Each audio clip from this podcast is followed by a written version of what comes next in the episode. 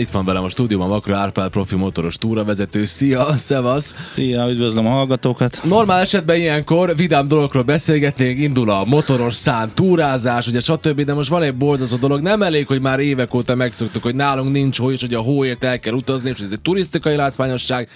Majdnem sehol sincs hó, erre muszáj egy pár szót, mondj már, mi a helyzet? Hát sajnos nem jó a kilátás. Hát a mi terepeinken, a Madarasi Hargitán, Székelyföldön, illetve Montenegróba, Durmitorban nem igazán van kellő mennyiségű hó az ilyen extrém téli szórakozáshoz, mint a motoros szán. Hát Durmitorban most kezdett el havazni, de nagyon minimálisat, a Hargitán pedig valahogy kerüli a csapadék nagyon minimális hóval, inkább széllel, havas esővel, ilyenkor már ott méter hó szokott lenni, de most egyszerűen 10 centi van összetöpörödött hó, amin még siálni se nagyon lehet, tehát nem hogy szánozni. Ami talán a látványra elég, de attól többre nagyon nem. Meg az is, az, az is fontos, hogy, hogy nekem mindig azt mondták, és szerintem ezt alátámasztod, hogyha Hargitán nincs hó, akkor hol van hó, nem? De hát igen, ott tehát, hogy... Hát a, a Csíki medence az egyik leghidegebb, ugye um, Romániában, Román terület Erdélyben, a ott régen két méter havak voltak lent a völgyekben is, és ez fokozatosan eltűnt, de hát fent a Hargit az egy elég hóbiztos terep volt, mi nyolc éve járunk oda, és januárban mindig megvolt az a fél méter, méter hó már kezdésre, idén ez valahogy nem jött össze. Ez az első ilyen évünk. Viszont beszélgessünk magáról a motoros szánról. Az utóbbi időben nagyon sok hír jött a motoros szánokkal kapcsolatba. Én őszintén ráadásul pár napja csak motoros szános videókat nézek, hogy így átérezzek kicsit jobban, hogy mit is tudnak ezek a gépek. Kezdjük azzal, hogy talán ezeket ez olyan, hogy ami a vízen a jetski és ami a földön a quad, az a, az a hóban a motoros szán? Tehát körülbelül... Hát talán, talán mondhatjuk így is. Egy kicsit vegyük át, tehát hogy a motoros szán alapvetően hogy néz ki? Van neki egy hatalmas, hátsó, nagy, de nem lánctalp, az mi az? Nem, tehát ők szőnyegnek hívják egyébként, ez egy ilyen gumiszőnyeg, amit görgök hajtanak meg. Uh-huh és elő pedig két sitalpa van neki, tehát ez úgy néz ki, hogy hátrafele háromszög, és ettől így nagyon instabil. És én, instabil? Igen, egyensúlyozni kell, főleg az oldalazókon, tehát mikor az hegy oldalba mész, kontra, kontrába kell állandóan a súlypontot tartani, illetve a fordulás sem egyszerű vele, tehát nem úgy van, hogy elfordítom az első sitalpakat, és akkor az be fog fordulni.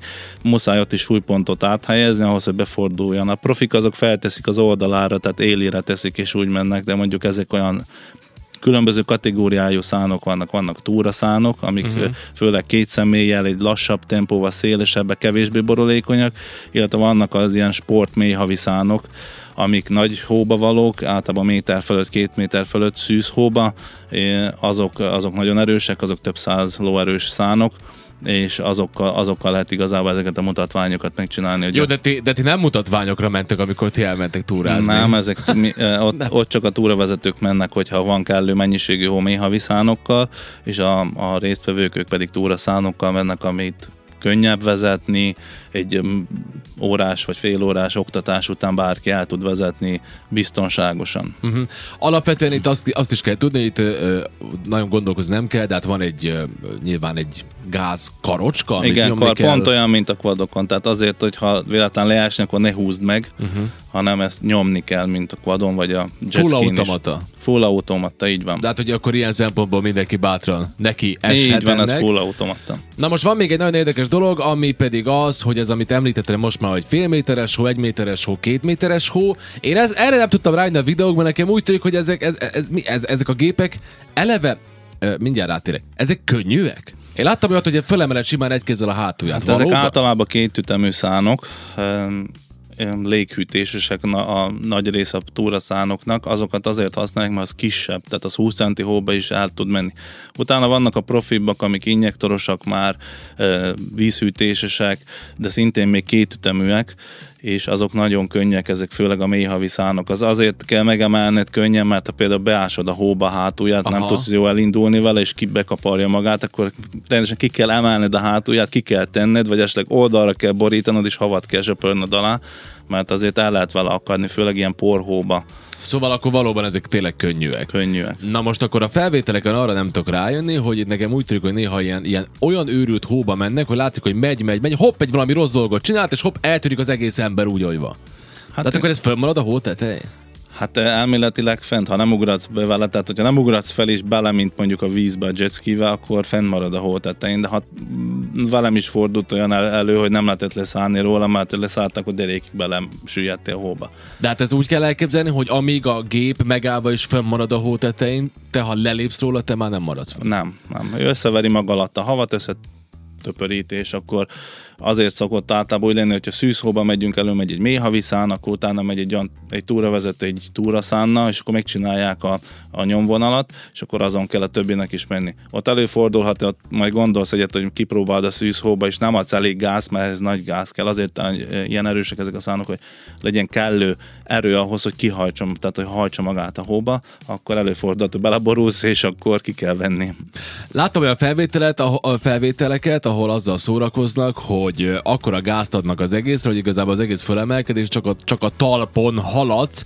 Na most akkor ezek szerint ezek csak azok a nagyon uh, spéci gépek. A... Igen, ez a mély havi szán, amit mondtam, amik ilyen 130-160 lóerő közötti szánok, ezek kell, ezekkel ezt meg lehet csinálni, tudni kell, tehát ö, vele Például a hargitán azt szokták csinálni, hogy a fenyőfa körül így felveszi a hátuljára, tehát a, erre a szőnyegre, és akkor megfordul a fa mellett, visszateszi, és akkor gáz neki. Nekem is volt hasonló élményem, nem szándékosan, de hát én is uh-huh. volt, hogy felvettem az elejét, mikor ilyen nem mentem. És akkor mi megy olyankor végbe benned? Hát semmi, nyomni kell a gázt és menni előre. És menni előre, menni előre. Van még egy olyan dolog, hogy ugye most az utóbbi napokban kiderült, hogy a, ugye, ugye pont egy ilyen motoros szán balesetet szenvedett a Ken Block, na de ez egy extrém dolog, de hát hogy úgy képzeljük, hát hogy ő egy, ő egy ilyen, hogy is mondjam, adrenalin junkie, de hát nem szépen hát ment. Hát ő is igazából. Persze, hát az egy brutális dolog. Mit kell csinálni? Tehát igazából, igazából, ha vadulsz, akkor ez ugyanannyira veszélyes, mint bármi más. Feltételezem, hát, ugye? Így van, Hogyha... hát így van. Hát ő valószínűleg olyan helyen jött le, vagy ment fel, ahol a szánhanyat vágódhatott és ráesett. Tehát ezért um, oda kell figyelni. Tehát valószínűleg ők extrém terepeket választottak. Itt azért uh, a túrázókat mi nem tudjuk ilyen helyekre bevinni. Az más dolog, hogyha mondjuk mi kint maradunk, és akkor a helyi vezetőkkel kicsit extrémebb terepekre elmegyünk, de magát a túrázókat nem tudjuk bevinni, mert ha megijed, és például egy emelkedőn elveszi a gázt, akkor ez simán oldalra fordulhat a szán, és akkor ugyanúgy lebukfáncezhet, uh-huh. mint, a, mint például, hogy a Ken blokka, és már hogy őt, is a szánnak a ütötte meg valójában azért történt a tragikus baleset. csak ez azért volt fontos, hogy megemlíteni, hogy értsék a, a hallgatók, hogy aki nem ért hozzá, hogy nem a klasszikus túraszán tud ennyire veszélyes lenni, hanem ezek extrém, nagyon erős gépek. Hát igen, itt a tempó mondtad, is ugye teljesen más így van, tehát a terep. És minden, ugye? Hát így Oké, okay, na most de, hallgassuk meg ezzel, és akkor elmondjuk, hogy normális esetben hogy szokott kinézni egy ilyen túra. 11 óra 26 perc van, és folytatjuk a beszélgetést Vakra Árpád profi motoros túravezetővel, aki ilyenkor általában ugye motoros szán túrákon vesz részt, csak most ugye ez a szörnyűség, nyomorúságos idő van, hogy nincsen hó. De beszéljük arról, hogy amikor, amikor minden rendben van, és amikor elindul ez a szezon, akkor hogy szokott nálatok kinézni egy ilyen, egy ilyen túra? Hogy szervezitek ezt meg? Mit hát ezek általában egy e, négy napos e, csomagokban vannak, amiből ugye sajnos egy nap az az mondjuk úgy, hogy nem egész nap, egy két harmada napnak az utazása zajlik ki, akkor ott e, fogadnak bennünket a helyiek, welcome drink, minden, ami... Ahogy kell, ugye? Á, így van, ahogy Aha. ők szokták mondani, a B-fogadó, az mindig meg kell inni, például az Erdélyben van. Vacsorákkal, reggelikkel, ebédekkel van ez megszervezve az ebédeknek a helye az ugye mindig változik, attól függ, hogy a, ha van annyi hó, hogy lehet menni a völgyekbe, akkor leszoktunk menni kis falvakba, akkor ott valamilyen csárdába vagy panzióba megszervezzük az ebédet. Ja, bocsánat, csak akkor az van egy ilyen feeling, hogy akkor a motoros szállókkal vettek edni. Így van. Leparkoljátok a tizenpár motoros szál. Van. Ez igen. Ez így van. Ha nincs mondjuk lent a völgyekben elég hó, akkor fent szokott lenni általában, ha a síterepeknél is vannak panziók és éttermek, akkor oda visszajövünk ha van elég hó, akkor lemegyünk este a szállásra is, a szánok, akkor reggel onnan indulunk vissza vele, úgyhogy ez egy kétnapos szán van benne a csomagunkban, és akkor a negyedik nap az pedig a hazautazás. Ö, általában elég szokott lenni, mert elég megterhelő a két nap szán, főleg mm. olyannak, ha valaki még ilyet nem próbált. Tehát fizikailag gondolod? Így van, fizikailag, így van. Így van. Mert általában mindig erővel próbálják irányítani az emberek, és akkor az alkarok azok bedurrannak már a második nap végére. Ez, ez intenzíven 4 óra aktív szánozást jelent. Tehát 10 uh-huh. órakor indulunk, és este délután négyig van az ebéddel Egyben. Egyben, aha. Így van. De van egy kis szünet, de igazából van egy mentek, mentek, meg, mentek, mentek. meg fotószünetek vannak benne, meg, meg akkor van, hogy a helyi vezetők mesélnek sztorikat, medvéről, egyéb dolgokról, ha. mi történt, vagy másik csoporttal mi történt, vagy ilyenek. Eh, de mi mondj nekünk egy ilyen extrém sztorit, ha most eszedbe jut, mi hát mondjuk a... tavalyi, tavalyi extrém sztorink az az volt, hogy elindultunk felfelé a faluból a Hargitára, és félúton a, a, az első vezető elkezdte megforgatni egy lehetetlen helyen a szánosokat, és akkor néztük is, hogy mi a, mi a probléma, és aztán mondja, hogy ú, nagyon megijedt, mert friss medvenyomok voltak, és meglátta a medvebarlangot, ahol bevezet, és attól félt, hogyha most mi ott a szánokkal elmegyünk, a medve felriad, megijed, és kiszalad a, a barlangból, uh-huh. és esetleg valakinek neki megy. Hú, mondjuk ez igen, ez elég extrém. Mondjuk az hát, nem volt, volt olyan is, hogy mi kinyomtuk a friss hóba a nyomat lefelé a faluba, jöttünk vissza, és már a friss medve nyomak rajta voltak, a medve is megvárta, hogy mi összenyomjuk a havat, hogy ő szépen a súlyával könnyebben ja, néd, hát igen, akkor az Jézus Mária. De eh, van, van itt egy pár érdekes történet ebben az egészben az, hogy azért eh, sokan azt mondják, hogy ám mindegy, hogy hol szállok meg, a lényeg az, amikor kint vagyok. De az ez nem így van. Nagyon szép helyeken vagytok, nagyon érdekes dolgok vannak. Eh, például én fotókon láttam, hogy egyszer voltak olyan helyen, vagy lehet, hogy állandó, hogy egyszer láttad egy ilyen fotót, hogy és ott ismertem meg a sódézsát. Igen. Ilyen is van? Mi így az a sódézsa? A sódézsa, hát ők a székely jacuzzinak hívják egyébként, így van. Jacuzzi.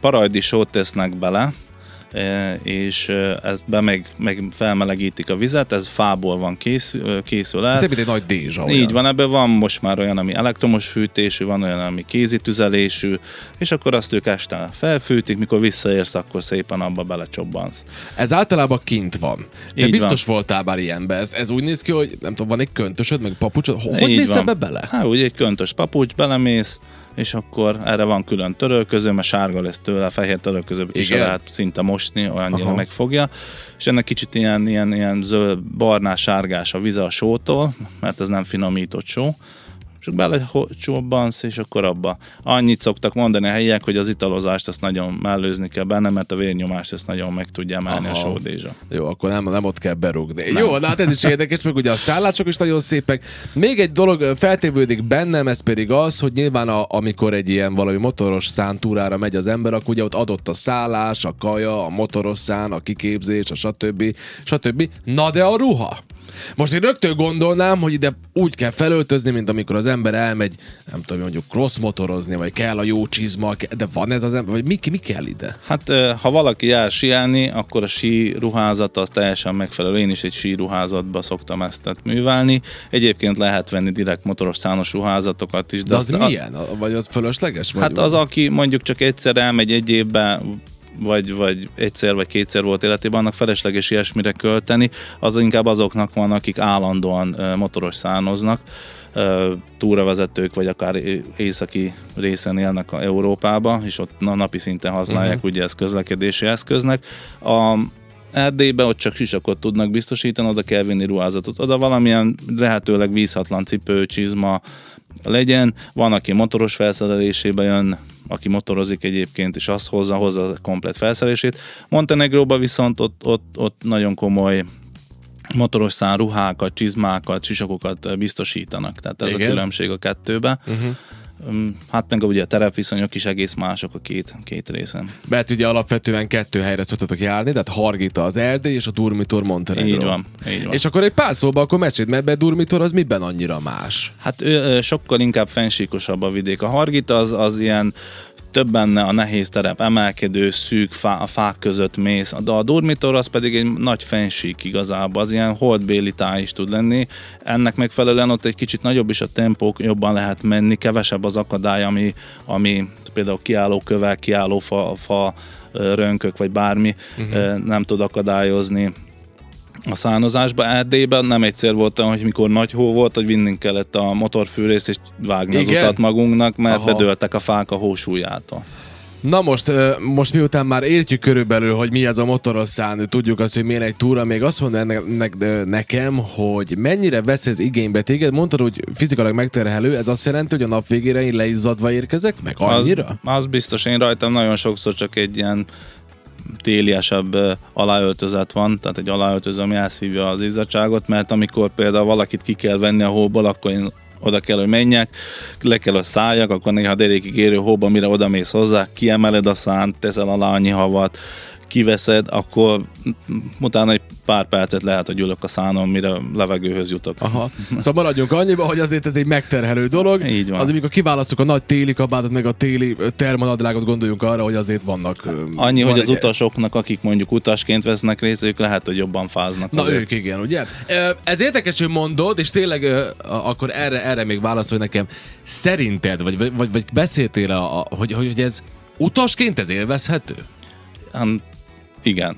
Aki, Abszolút. szer, aki szereti, annak igen. Annyi, hogy ha mondjuk olyan helyen mész, ahol nagyon sok szános elment előtte, vagy olyan huátfúvások vannak, amit ők úgy mondják, hogy hopposodik az út, tehát ilyen kis buckák vannak az uh-huh. úton, akkor ugye a hátsó utas az folyamatosan Dobálja, liftez, ugye? igen, és a karja az akkor nagyon elfárad a kapaszkodástól.